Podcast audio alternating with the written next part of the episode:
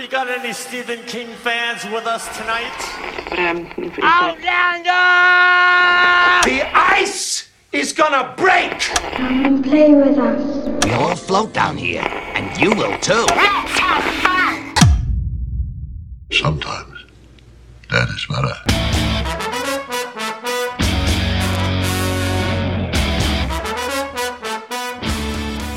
I'm your number one fan. Witam Was, kochani, bardzo serdecznie w kolejnym odcinku podcastu Radio SK. Dzisiaj mówi do Was Hubert Spandowski, czyli Mando, i dzisiaj mamy drugi specjalny epizod podcastu, e, w którym porozmawiam o drugim dniu festiwalu e, filmów amatorskich Dollar Babies Stephen King Rules. Drugi dzień, czyli 20 sierpnia, e, planowo rozpocząć miał się wcześniej, o godzinie 20.15 czasu polskiego. E, drugiego dnia wyświetlono 11 filmów, w tym aż 8 powtórek z zeszłego roku. I po pierwsze, ja wczoraj zastanawiałem się, jak to dokładnie tam wygląda. Mm, no i okazuje się, że faktycznie to jest kino, ta scena, na której e, stoją prowadzący, to jest scena pod ekranem kinowym i faktycznie w tym kinie siedzą ludzie. Nie mam pojęcia ilu ich jest, ale nie mam pojęcia jak wielka jest ta sala, ale na czacie na samym początku pisał jakiś e, koleś, który tam siedział i oglądał te filmy na dużym ekranie i informował nas e, na początku o opóźnieniu, a potem ktoś go spytał, jak to wygląda od tamtej strony. No i jeśli chodzi o organizację tego drugiego dnia, to na samym początku mieliśmy poślizg, prawie 30 minut opóźnienia, e, problemy techniczne. Ja naprawdę nie potrafię zrozumieć, dlaczego oni e, nie łączą się wcześniej. Nie łączą się zarówno na streamie, przecież można by wyłączyć dźwięk i obraz, ale połączenie mogłoby już być. Nie łączą się przed wywiadami, nie sprawdzają, czy wszystko działa. To wszystko jest robione na teraz. E, no i wiecie, no to nie dziwo że e, się wysypuje, nie? Skoro my na początku wywiadu musimy się spytać, słyszycie nas? Tak, a wy nas? Tak. No, to są takie rzeczy, które e, gdy nagrywamy podcast, no to wycinamy na samym początku, nie? I puszczamy wam e, gotową rzecz, a gdybyśmy robili to na żywo, no to mm, sprawdzilibyśmy wcześniej. Zresztą, no, występowałem przynajmniej raz na żywo u Gage'a na kanale książkowym i mieliśmy wcześniejsze łączenie, żeby sprawdzić, czy w ogóle działa mikrofon, jak dobrze działa, e, jak mnie będzie widać i tak dalej. No takie rzeczy się po prostu robi, nie? Natomiast to opóźnienie półgodzinne, oni w miarę je mm, zredukowali przez, e, w ciągu pierwszych dwóch bloków tego dnia i te pierwsze dwa bloki zakończyły się w zasadzie o godzinie takiej, y, jaka była w planie. No tam z 10 minut później. Ja w ogóle miałem wrażenie, że w tych dwóch pierwszych blokach są bardzo krótkie wywiady, no i podejrzewam, że na tym y, przyoszczędzili trochę czasu. Co ważne, już na samym początku było dużo lepsze oświetlenie. Gdy łączyliśmy się ze studiem, czyli z tą sceną, gdzie była kanapa, te fotele i ten stolik, to wyglądało zupełnie inaczej niż pierwszego dnia. E, zastanawiałem się, czy mają lepszą kamerkę, czy po prostu zrobili dobre oświetlenie. Naprawdę to było niebo a ziemia. To nadal nie były szczyty, nie? ale wyglądało to dobrze. E, chciałbym jeszcze zwrócić uwagę na jedną rzecz, bo mm, nie mówiłem o tym pierwszego dnia. E, twórcy filmów e, bardzo często byli na czacie w trakcie projekcji danego filmu i nawet jeśli potem był z nimi wywiad, no to komentowali film na bieżąco często sprzedawali fajne ciekawostki. E, opowiadali, jak co było zrobione, jak robili daną scenę, ile było dubli, gdzie to kręcili, jakieś takie, wiecie, rzeczy, e, których mm, no, e, nie mamy gdzie dostać, gdzie sprawdzić, a nie ma na nie miejsca w wywiadzie, bo to takie szczegóły dotyczące konkretnych rzeczy, które działy się na ekranie. Nie, nie twierdzę, że to były, wiecie, komentarze DVD i przez całą, cały czas trwania filmu oni nam mówili ciekawostki, ale te kilka na seans Y, się trafiało. jeśli chodzi o wywiady, bo tak naprawdę ta, taka ogólna organizacja to to już wszystko. Ja wczoraj mówiłem, że y, podczas tej edycji festiwalu mamy tak średnio trzy wywiady dziennie. No to znów wykazałem się ten znajomością zawodu, który uprawiam. Troszeczkę się przeliczyłem. W sobotę tych wywiadów było aż siedem. I może dlatego dali y, mniej filmów niż w niedzielę, chociaż w niedzielę tych wywiadów też będzie dużo, ale w sumie zacznie się wcześniej. Dobra, to na koniec. Słabe jest to, przynajmniej na samym początku, przez powiedzmy pierwszą połowę e, tego dnia, że poza wpadkami podczas tych wywiadów, ja naprawdę mam niewiele do powiedzenia na ich temat. W zasadzie prawie z każdym twórcą e, filmów, które leciały wczoraj, była rozmowa. E, jeśli były to rozmowy na żywo, no to były w pojedynkę. Jeśli były online, no to zazwyczaj były dwuosobowe. Wiecie, leciały po dwa filmy w bloku, zapowiadane od razu i puszczone ciurkiem, a potem rozmowa z dwoma czy też dwójką reżyserów podzielona na trzy ekrany. Pierwszy wywiad był na żywo, no i to było takie wow, nie? W końcu bez bubli. Steven Tramontana, e, scenarzysta i reżyser e, bardzo trudnego położenia, A Very Tight Place, e, choć no ja tutaj muszę zwrócić uwagę, ale to się tyczy całego festiwalu. Wyrównanie głośności mikrofonów naprawdę by się przydało, bo trochę głowa bolała, jak wiecie, jeden mikrofon był głośno, drugi był cicho i to jest po prostu, jak oni mówią, to jeden się drze i wierca serca w czaszkę, a, drugiego słabo słychać. E, tutaj padło jedno pytanie z publiczności. Niewiele tych pytań z publiczności było podczas festiwalu. Ten pierwszy wywiad, mm, no to na pewno takie pytanie padło. E, drugi wywiad, no i niestety ja pitole, to był już wywiad online e, z dwoma mm, reżyserami. Jacob Evening, e, reżyser drugiego człowieka, który kochał kwiaty, bo tego dnia dwa filmy o, o tym tytule zostały wyświetlone i Jay Holben, reżyser filmu Paranoid, I w, w, pierwszej chwili pomyślałem sobie, o super, super, nie? Ogarnęli w końcu e, techniczne sprawy, nie ma echa, no ale okazało się po prostu, że e, by, były jakieś problemy po stronie prowadzących i oni nie słyszeli rozmówców na początku, e, co, to, no umówmy się, już jest trochę słabe, bo, bo, bo tak jak powiedziałem, serio można się połączyć chwilę wcześniej i to sprawdzić. E, no i prowadzący kombinowali, a w tym czasie ci dwaj reżyserzy gadali ze sobą.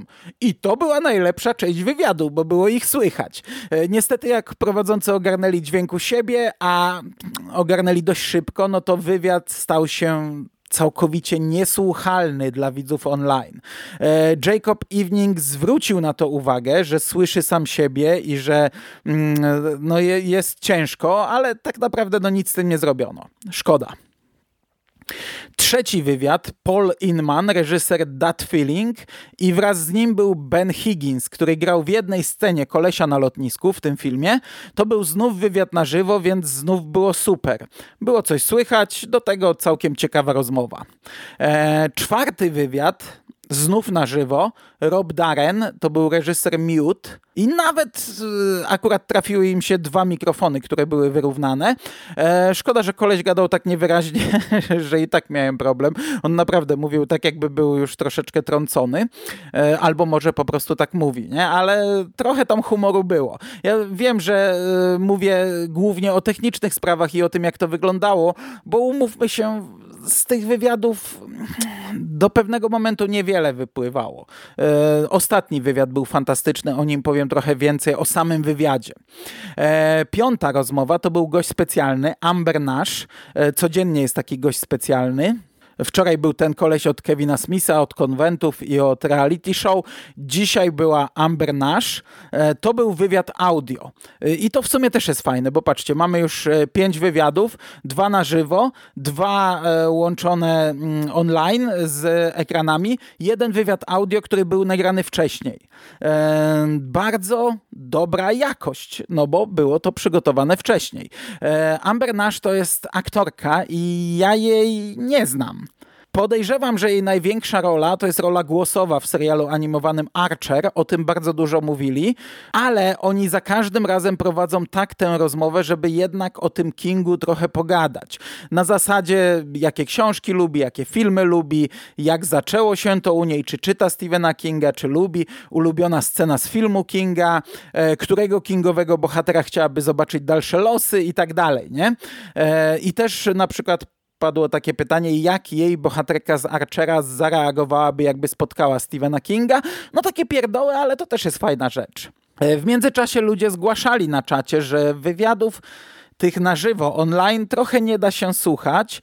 E, organizatorzy obiecywali, że spróbują coś z tym zrobić. E, szczerze, ja nie wiedziałem, co można z tym zrobić, ale oni chyba wiedzieli, bo coś z tym zrobili, bo od tego momentu się poprawiło. Dwa ostatnie wywiady, szósty i siódmy, były już naprawdę słuchalne. E, szósty wywiad to była Jackie Perez, reżyserka Beach World i John Mann, reżyser Popsy. To był wywiad online i tak jak mówię, jakoś to ogarnęli. By, był brak pogłosu. Najpierw miałem wrażenie, że tak naprawdę wyłączono nam ten oryginalny dźwięk e, ich, który my słyszeliśmy z ekranu, a zostawili tylko ten, który słychać było na sali, bo jednak taki pogłos był dość mocny, ale, ale wiecie, było to słyszalne. Natomiast w pewnym momencie troszeczkę się to jednak rozjechało, więc zakładam, że oni jakoś mm, nie wiem, no jakoś e, zniwelowali to opóźnienie, że po prostu te dwa głosy szły równolegle. Tak czy siak, e, tego wywiadu dało się słuchać i tutaj kciuk w górę. Fajnie. Fajnie, że to e, jakoś zareagowali twórcy, organizatorzy i naprawili. Natomiast ten drugi dzień zamykał wywiad z Marcelo Trigo, i to jest reżyser brazylijskiego Zornit. Filmu, o którym powiem na sam koniec, bo ten film leciał, e, zamykał tak naprawdę ten dzień. Fantastyczny film, także tutaj będziemy mieli taką klamrę, bo ja do tego wszystkiego wrócę. E, to była bardzo dobra jakość wywiadu i ten koleś naprawdę fajnie gadał. E, po pierwsze, opowiedział o tym, że wybierał pomiędzy opcją Strefa Mroku a Star Trek, e, ponieważ e, tutaj bardzo często odwołują się, że ten, epi, ten, ten, ten jego film e, nawiązuje do strefy mroku i to tak zarówno oczywi- to są oczywiste nawiązania, jak i ogólnie, że klimat. No i e, Marcelo mówił też, że jego koledzy mówili mu, że są setki adaptacji Stephena Kinga i że to jest e, ogólnie porąbany materiał na film czyli Ballada o celnym strzale i czy nie chce zrobić czegoś normalnego, to był jego pierwszy film, jakiegoś poważnego filmu, poruszać jakieś poważniejsze tematy, na co on powiedział, nie, chcę zrobić to, no i wielki aplauz tutaj od prowadzących, od publiczności, po czym dodał, e, że e, do tych wszystkich swoich kolegów, fuck off, no to wtedy to już się kulali ze śmiechu, podwójny aplauz i, i kupił po prostu publiczność, kupił prowadzących I, i ten wywiad był długi. On mówił o zmianie książkowego elfa na kosmitę. Mówił o zmianie nazwy z Fornit na Zornit. Mm, no i też kupa śmiechu, bo mówi, że słowo fornit kojarzy się tam w Brazylii z fornication, czyli cudzołóstwo, a zornit to była dobra nazwa dla kosmity. Rozmawiałem trochę o efektach specjalnych. Padło dość zabawne pytanie gościa z The Republic Radio, bo to jest dziwny film. Ja mówię, o nim więcej powiem. I on spytał o wygląd Zornita. Powiedział, że te, te, ten Zornit filmowy już nigdy nie opuści jego głowy i zastanawia się, jak on trafił do głowy reżysera. Co ciekawe, gdy tutaj reżyser opowiadał, pokazywał, gestykulował, no to e, prowadzący powiedzieli, że widownia w kinie nie widzi tego wywiadu, więc w sumie nie wiem o co chodzi.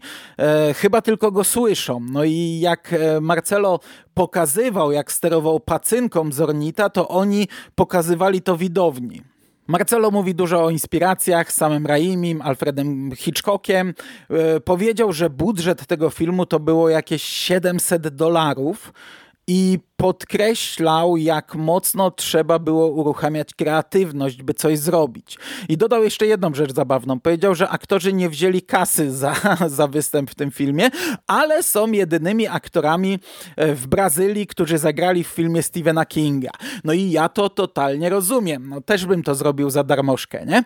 Fantastyczny wywiad na koniec. On był długi, Marcelo mówił tak powoli, ale dobrą angielsz angielszczyzną i, i widać było, że po prostu kupił, nie? że on tam czaruje, kupił rozmówców, oni słuchali go, nie przerywali mu, e, mieli uśmiechy na twarzy, bo umówmy się, ten film też był fantastyczny.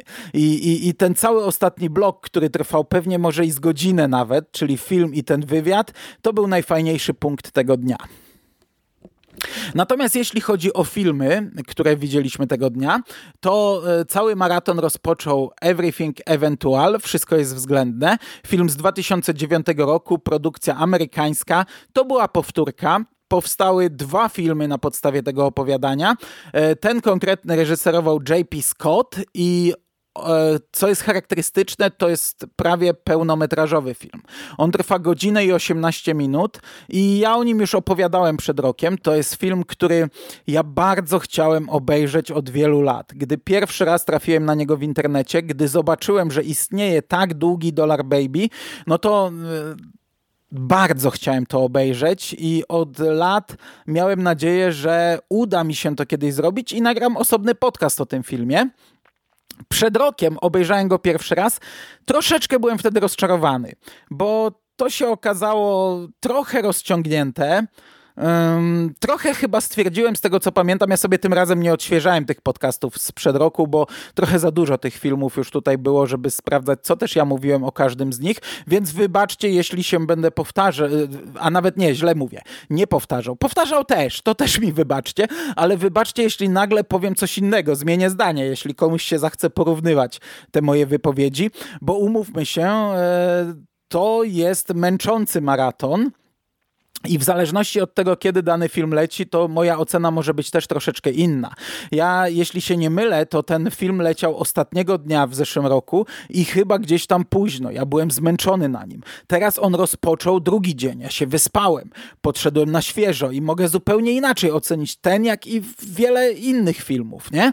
Bo ja się całkiem nieźle na nim bawiłem. On, zgadzam się, on jest rozciągnięty, on ma wolne tempo, ale on jest naprawdę dobrze wykonany. Jak na film z 2009 roku, amatorski, to jest naprawdę niezła produkcja. Do tego ma sporo nawiązań, fajnych nawiązań.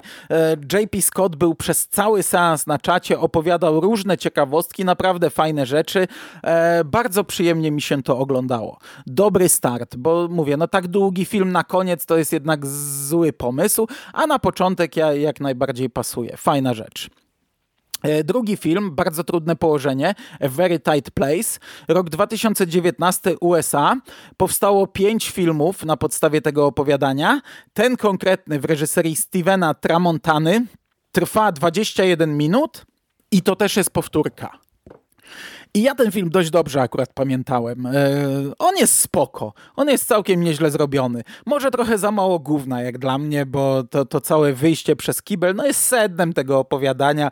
To powinno być tutaj e, zajmować bardzo dużą objętość i, i, i wiecie, no powinno w nas tryskać tymi odchodami z ekranu, nie? Ja przynajmniej tak bym zrobił ten film.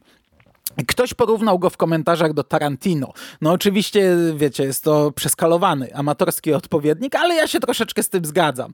Forma tego filmu, muzyka, napisy, to jak te napisy się pojawiają, e, faktycznie może budzić takie skojarzenia. Na początku mamy taki montaż, całe intro, całe wprowadzenie to jest taki montaż z taką muzyczką. E, tak jak mówię, całe, całe wyjście z Toy Toya e, zajmuje raczej trochę mniej czasu. E, ale to jest niezły film. Jeśli ja dobrze zrozumiałem, no to twórca mówił, że ten film był kręcony iPhone'em.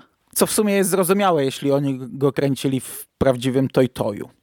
E, film trzeci, nowość, nowość, The Man Who Loved Flowers. I to jest film z, no, z pierwszej fali może nie zupełnie pierwszej, może z drugiej fali Dollar Babies, bo to jest 1996 rok. Produkcja amerykańska, powstały 24 filmy na podstawie tego opowiadania. Mm, to już jest drugi na tym festiwalu, na tej edycji, jeszcze za chwilę będzie trzeci. On trwa tylko 5 minut. Reżyserem jest Andrew Newman. No i niestety, to jest jedna z tych trzech nowości, ale bardzo króciutka nowość i wydaje mi się, jestem na 99% pewien, że ja go jednak już widziałem że on kiedyś gdzieś, w, ktoś go wrzucił do internetu, ja zdążyłem go obejrzeć, mm, ale i tak e, duży plus, bo to jest e, kapitalny film. Znaczy, e, on jest dziwny, to jest bardzo dziwny, bo to jest musical. E, ten nasz morderca, który idzie przez ulicę, on sobie tańczy, my słyszymy przez cały film piosenkę Brown Ain't Girl Vana Morrisona, ale to jest fajne, inne podejście. To się ogląda przyjemnie. I wiecie, powiedziałem, że powstały 24 filmy na podstawie tego opowiadania. Ja widziałem już ich całkiem sporo. E, są lepsze, są gorsze, są bardzo dobre, ale umówmy się, ten film ja zapamiętam. No i zapamiętałem go właśnie, bo jestem przekonany, że widziałem go już wcześniej. To jest coś innego, to jest fajne podejście. Eee, I okej, okay, no na przykład jak miałem głośno słuchawki, to czasami e, szum był straszny, e, gdy były sceny, gdzie muzyka gasła, bo ona czasami gasła. W momencie, gdy mm, coś się działo na ekranie, to, to muzyka się wyłączała, potem znów się uruchamiała. Bardzo fajne podejście. E, I, I to kurczę, 96 rok, nie pomyślał myślałbym, że wtedy ktoś podejdzie w taki sposób. Bo rozumiem, wiecie, jak teraz filmowiec się za to bierze, powstało 20 prefilmów i chciałby zrobić coś, co się wyróżni, coś innego. A wtedy? Wow, nie? Także ja byłem naprawdę zadowolony. Pomimo tego, że jedna z trzech, tylko trzech nowości tego dnia, to był pięciominutowy filmik, no to był tak charakterystyczny i tak fajny, że bawiłem się naprawdę dobrze. No i ten film kończył nam e, pierwszy blok, natomiast drugi blok otwierał znów The Man Who Loved Flowers. I ja się obawiałem, że mm, no, będzie to podwójnie źle dla tego filmu. Po pierwsze, wydawało mi się, że on jest słaby, bo, bo to jest już powtórka, on leciał przed rokiem, e, ale no, aż taki słaby nie był, jak mi się wydawało, było ok. E, natomiast wiecie, po tym fajnym podejściu dostajemy normalne podejście nie? Do, do przetworzenia tej historii I, i myślałem, że to będzie zrobi mocno pod górkę temu filmowi. Żeby jeszcze się rozliczyć, to jest film z 2021 roku, produkcji amerykańskiej trwa 8 minut, a reżyserem był Jacob Ewing. I i okej, okay, po tym poprzednim jest gorzej. No oczywiście, że jest gorzej, ale nie jest tak źle, jak się obawiałem. Jest całkiem spoko aktorstwo. Ten film jest dobrze zrobiony. E, trochę w finale jest, jak jest scena, gdy ten kolej zaczyna mieć przebitki, gdy on zaczyna szaleć, coś mu tam się pojawia, wydaje mu się, wiecie, jest ta scena, gdy jemu się wydaje, że on jest przy swojej dziewczynie, ale okazuje się, że to nie ona, jego zaczyna trochę rąbać na głowę, no to to jest tak średnio, powiedzmy, pokazane. Są jakieś cięcia, są jakieś zacięcia, są jakieś takie migawki w negatywach e, i to wygląda tak sobie. Ale na przykład jak wyciąga pierścionek zaręczynowy, który w rzeczywistości jest młotkiem i zmienia się w młotek, to jest fajny motyw, to jest fajne zagranie. I potem to morderstwo e, z kamerą skierowaną na jego twarz cały czas, na którą chlapie krew po uderzeniach młotkiem, jest też spoko. Także ogólnie całkiem niezły film. Film piąty to był Paranoid, film z 2001 roku, czyli też stara szkoła, e, produkcji amerykańskiej. To jest jedyna oficjalna ekranizacja tego e, opowiadania, oficjalna ekranizacja Dollar Baby. Przypominam, że Darek Kocurek zrobił naszą polską wersję Lament Paranoika, ale to nie jest oficjalny dolar. Szkoda, bo chętnie bym obejrzał sobie film Darka Kocurka e, na takim festiwalu i posłuchał wywiadu z nim. E, reżyserem był Jay Holben i film trwa 8 minut. I ja ten film uwielbiam, ale ja go widziałem z tysiąc razy. E, my mówiliśmy o nim przy zeszłorocznym King on Screen, bo on był tam wyświetlany. Potem był chyba też wyświetlany, no na pewno był wyświetlany podczas pierwszej edycji Stephen King Rules. Ja z, nie, tam pewnie to przemilczałem, ale naprawdę ja ten film widziałem wielokrotnie. To jest pierwszy Dollar Baby, jaki widziałem w życiu. E, jakoś rok po premierze, w 2002 roku, on był do pobrania na oficjalnej stronie filmu, ale jego waga wynosiła 60 parę megabajtów, co przekraczało absolutnie możliwości e, tradycyjnego internetu domowego. No i ja wtedy miałem praktyki w szkole, załatwiłem sobie praktyki w jakiejś firmie komputerowej, gdzie nie wiedzieli, co z nami robić. Testowaliśmy komputery, e, które ludzie zostawili w tej firmie, więc tak naprawdę przez 8 godzin łaziliśmy po internecie ze stałym łączem, z bardzo szybkim, starym, stałym łączem. No i była też tam wypalarka do płyt CD, co wtedy nie było normą, e, więc no po prostu e, dla mnie marzenie, nie? E, poświęciłem jeden dzień na ściągnięcie tego filmu, wypalenie, przyniosłem go do domu jak jakiś artefakt, a potem katowałem seans za seansem. No i, i, i do dzisiaj naprawdę uwielbiam ten film. On jest fantastycznie zrobiony. Tutaj mamy kobietę w roli głównej, która gra świetnie. To jest naprawdę super ekranizacja. Film szósty, That Feeling. Rok 2021, mm, film amerykański. Powstały trzy filmy na podstawie opowiadania. To wrażenie można nazwać tylko po francusku. E, ten jest nowością, e, jeśli chodzi o ten festiwal. Trwa 34 minuty. Reżyserem był Paul Inman. I ja tu miałem dość duży problem, bo ja trochę nie pamiętam tego opowiadania. Nie powtarzałem go sobie przed e, tym festiwalem. I, I tak szczerze, to po tym filmie nadal niewiele mi świta, także ja nie wiem, czy ten film miał dużo wspólnego z oryginałem, czy tylko pomysł wyjściowy. I e, to był dość trudny dla mnie seans. Dostajemy intro z urodzinami dziewczynki, potem przeskakujemy 19 lat później. Ona budzi się w samolocie już jako dorosła kobieta i cały czas ma déjà vu.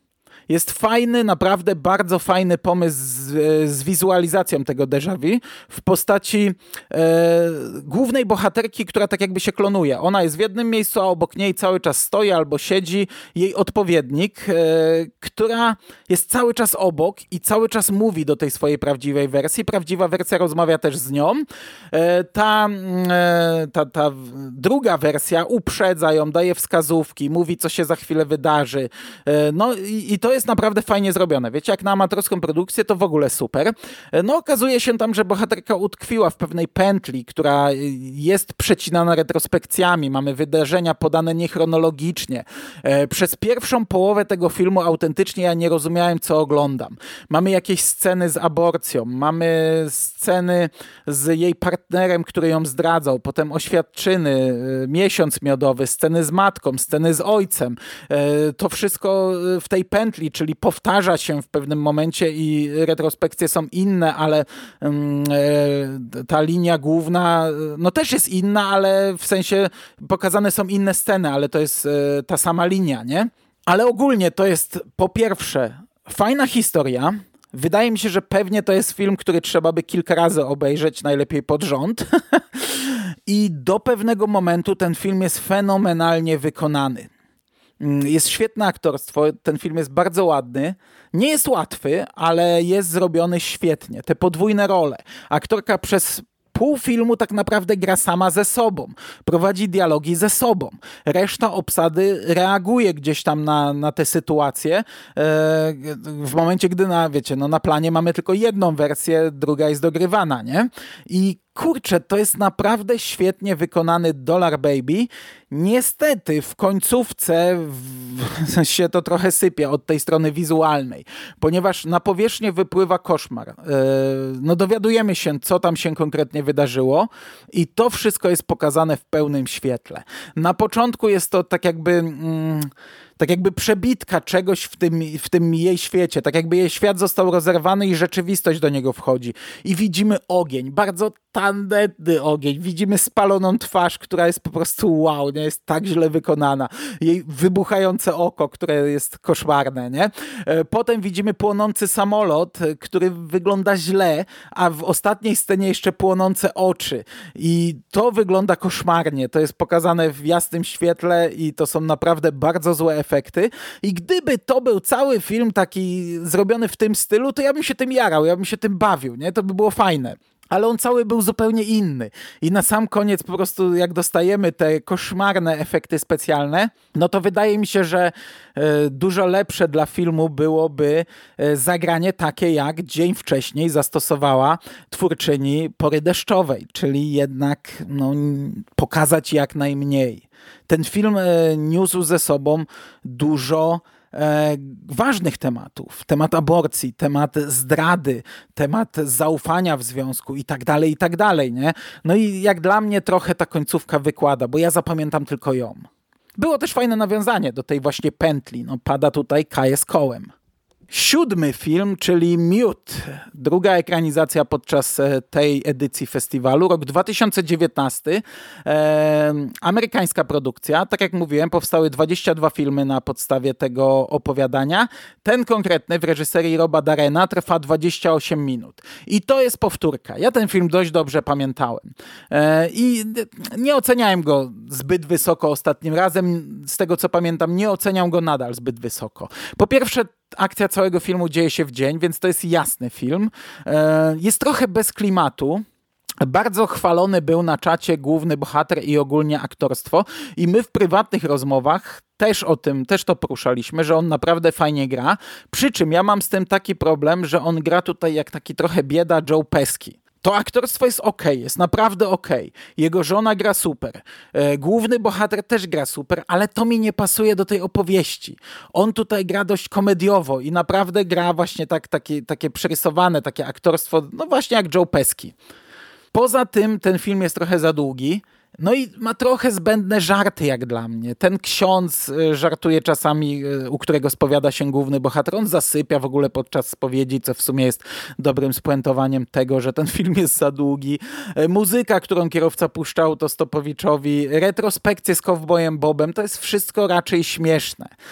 No i to w zderzeniu z końcówką nie gra tak jak powinno, bo, bo tak naprawdę ostatnie pytanie, jakie ksiądz zadaje mm, głównemu bohaterowi, to też budzi raczej uśmiech na twarzy niż to, co powinno obudzić.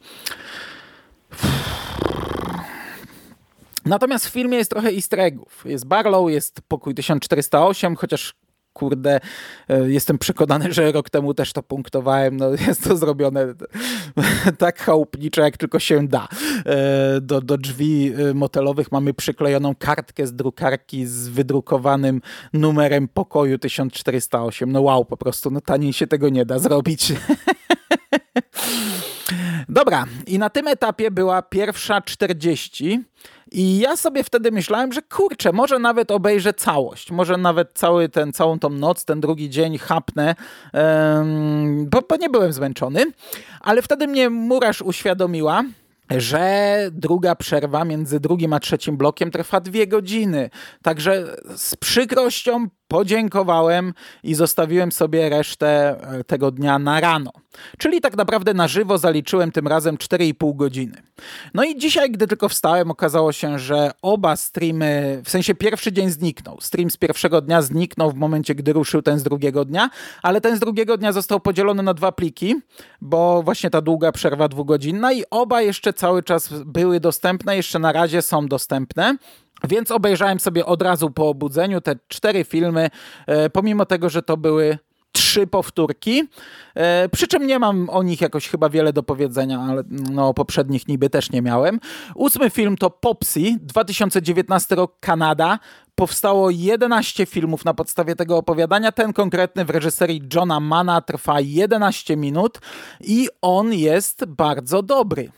Tutaj mamy bardzo fajnych aktorów, zarówno aktora, który gra Popsiego, aktora, który gra Porywacza, jest świetny. E, dzieciak też jest ok. To jest krótka historia i to gra tak, jak grać powinno. Ten aktor, który gra Porywacza, to jest e, Rob Ramsey. I co ciekawe, e, to jest aktor, który grał w kilku fajnych rzeczach, co prawda epizodyczne role, ale między innymi mogliśmy go oglądać w drugim rozdziale to. On tam grał pielęgniarza w scenie z dorosłym Henrym Bowersem. Ten film ma bardzo fajną końcówkę. Tutaj nie pokazano w zasadzie y, wampira, także znów takie trochę zagranie w stylu y, pory deszczowej, żeby nie zepsuć tego, co zostało osiągnięte, ale to jest fajne. Widzimy, widzimy tego, ten, ten jego samochód, który zatrzymuje się i tak naprawdę gramy dźwiękami, bo ten samochód stoi dość daleko od kamery i cała końcówka gra dźwiękami, gra bardzo dobrze. Jest jedno fajne nawiązanie, to czy fajne, no pojawia się pop y, Pennywise'a, bardzo mi się ten film podobał. Film dziewiąty, Beachworld, e, Świat plaży. Rok 2019, e, produkcji amerykańskiej, powstały cztery filmy na podstawie tego opowiadania. Ten konkretny w reżyserii Jackie Perez trwa 14 minut. To jest znów powtórka. Ten film zresztą cały czas można sobie e, obejrzeć na YouTubie. Także jak rok temu o tym mówiłem, to też ja go sobie obejrzałem na YouTubie. Mm, I i to jest dobry film. To jest naprawdę bardzo dobry film, bardzo dobrze wykonany. E, bardzo fajnie wygląda ta mm, plaża ten świat plaży. Jest e, fajne aktorstwo. E, jest taki moment, gdy ona ma wizję, no to to jest zrobione powiedzmy tak troszeczkę jak stare filmy science fiction, tanie stare filmy science fiction, ale jest to dla mnie akceptowalne. Natomiast w końcówce mamy fajny zwrot akcji. Tego, jeśli dobrze pamiętam, nie było w opowiadaniu i jest krwawo, jest mocno, to mi się podoba. Bardzo dobry film. Film dziesiąty, In the Dead Room. Rok 2019, produkcja amerykańska, 17 filmów na podstawie tego opowiadania. Reżyseria Nicole Jones-Dion i ten film trwa 18 minut. I to jest film o przesłuchaniu o torturach, o przesłuchaniu mm, i on jest e, też super też super. On jest dobrze zagrany, dobrze zrobiony. Miałem takie motywy, momenty na początku, że się gubiłem, e, ale to chyba dlatego, że po prostu już zmęczenie. Chociaż wydaje mi się, że rok temu też o tym mówiłem, że się tam w pewnym momencie troszeczkę gubiłem, ale y, on jest niezły. E, a od, od, momentu, gdy dochodzi do zwrotu akcji i, i, do takiego wybuchowego, mocnego finału, to już w ogóle robi się super. Bardzo mi się ten film podobał. No i przechodzimy do dania głównego, jak dla mnie, dania głównego tego dnia. Ostatni film, jedenasty, Zornit. To jest produkcja z 2016 roku. Brazylia. Powstał tylko jeden film na podstawie tego opowiadania. Reżyseria Marcelo Trigo, e, któremu poświęciłem dość dużo czasu na początku, e, fantastycznemu wywiadowi z tym twórcą.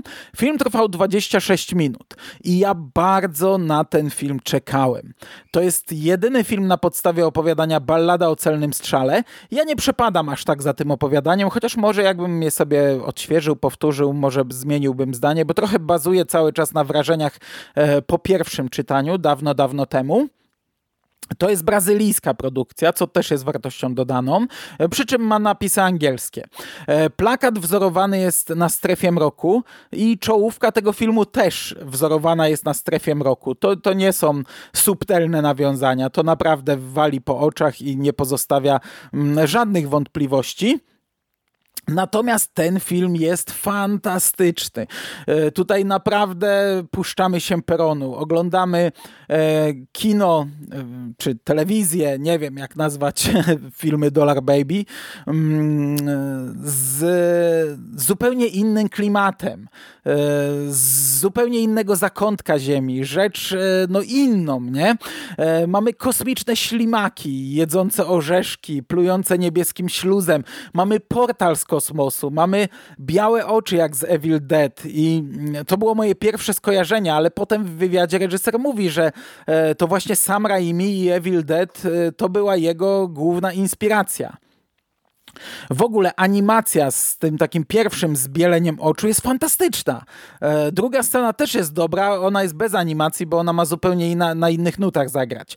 Ten film jest niepokojący. Mamy scenę w łazience, gdzie bohater patrzy w lustro i to odbicie zostaje i patrzy na niego w bardzo mm, niepokojący sposób. Mamy scenę z, ze świadkiem Jehowy, która przyszła do jego domu i tam też, on zamyka jej drzwi, ona patrzy prosto w kamerę, to oh, szciary, nie?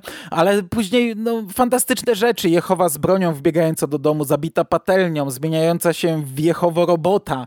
Mamy finał z wielkim ślimakiem zrzucającym gumową maskę. Mamy próbę samobójczą, która naprawdę wygląda fantastycznie. Mamy kokon Zornita. No ten film wygląda fantastycznie. A przypominam, że to opowiadanie jest tak naprawdę o szaleństwie. To jest o pisarzu, który mm, no, nie może napisać, nie może zmierzyć się z białą kartą, kartką, nie może skończyć książki i zaczyna wariować. Widzi stwory, te fornity e, w swoim domu. Zaczyna e, mu odbijać i mm, no, dochodzi do tej próby samobójczej.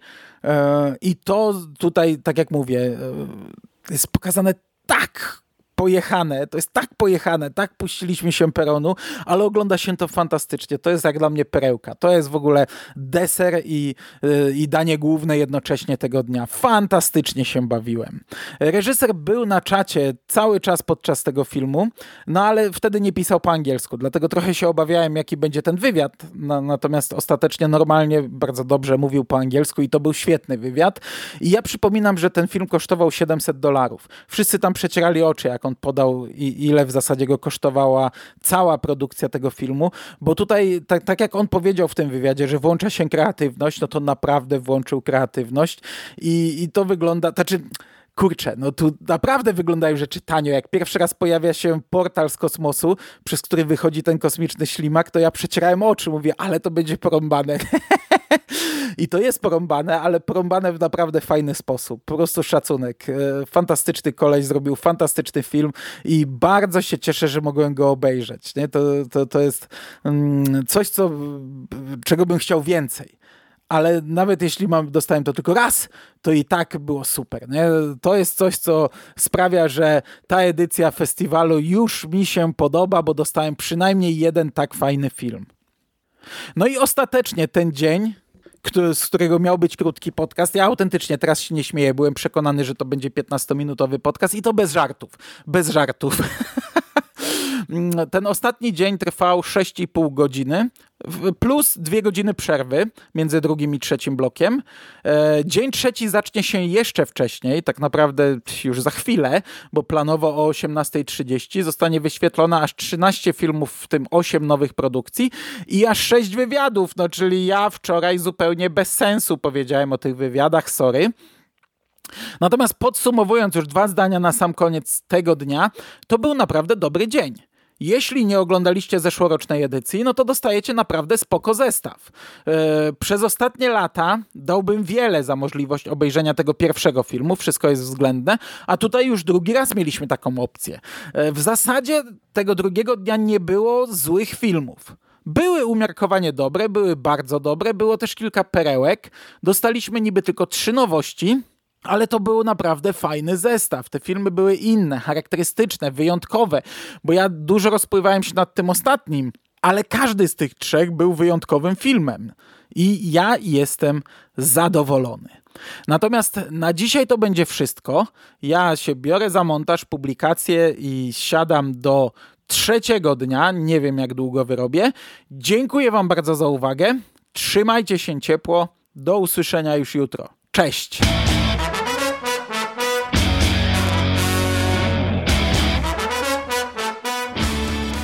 I'm your number one.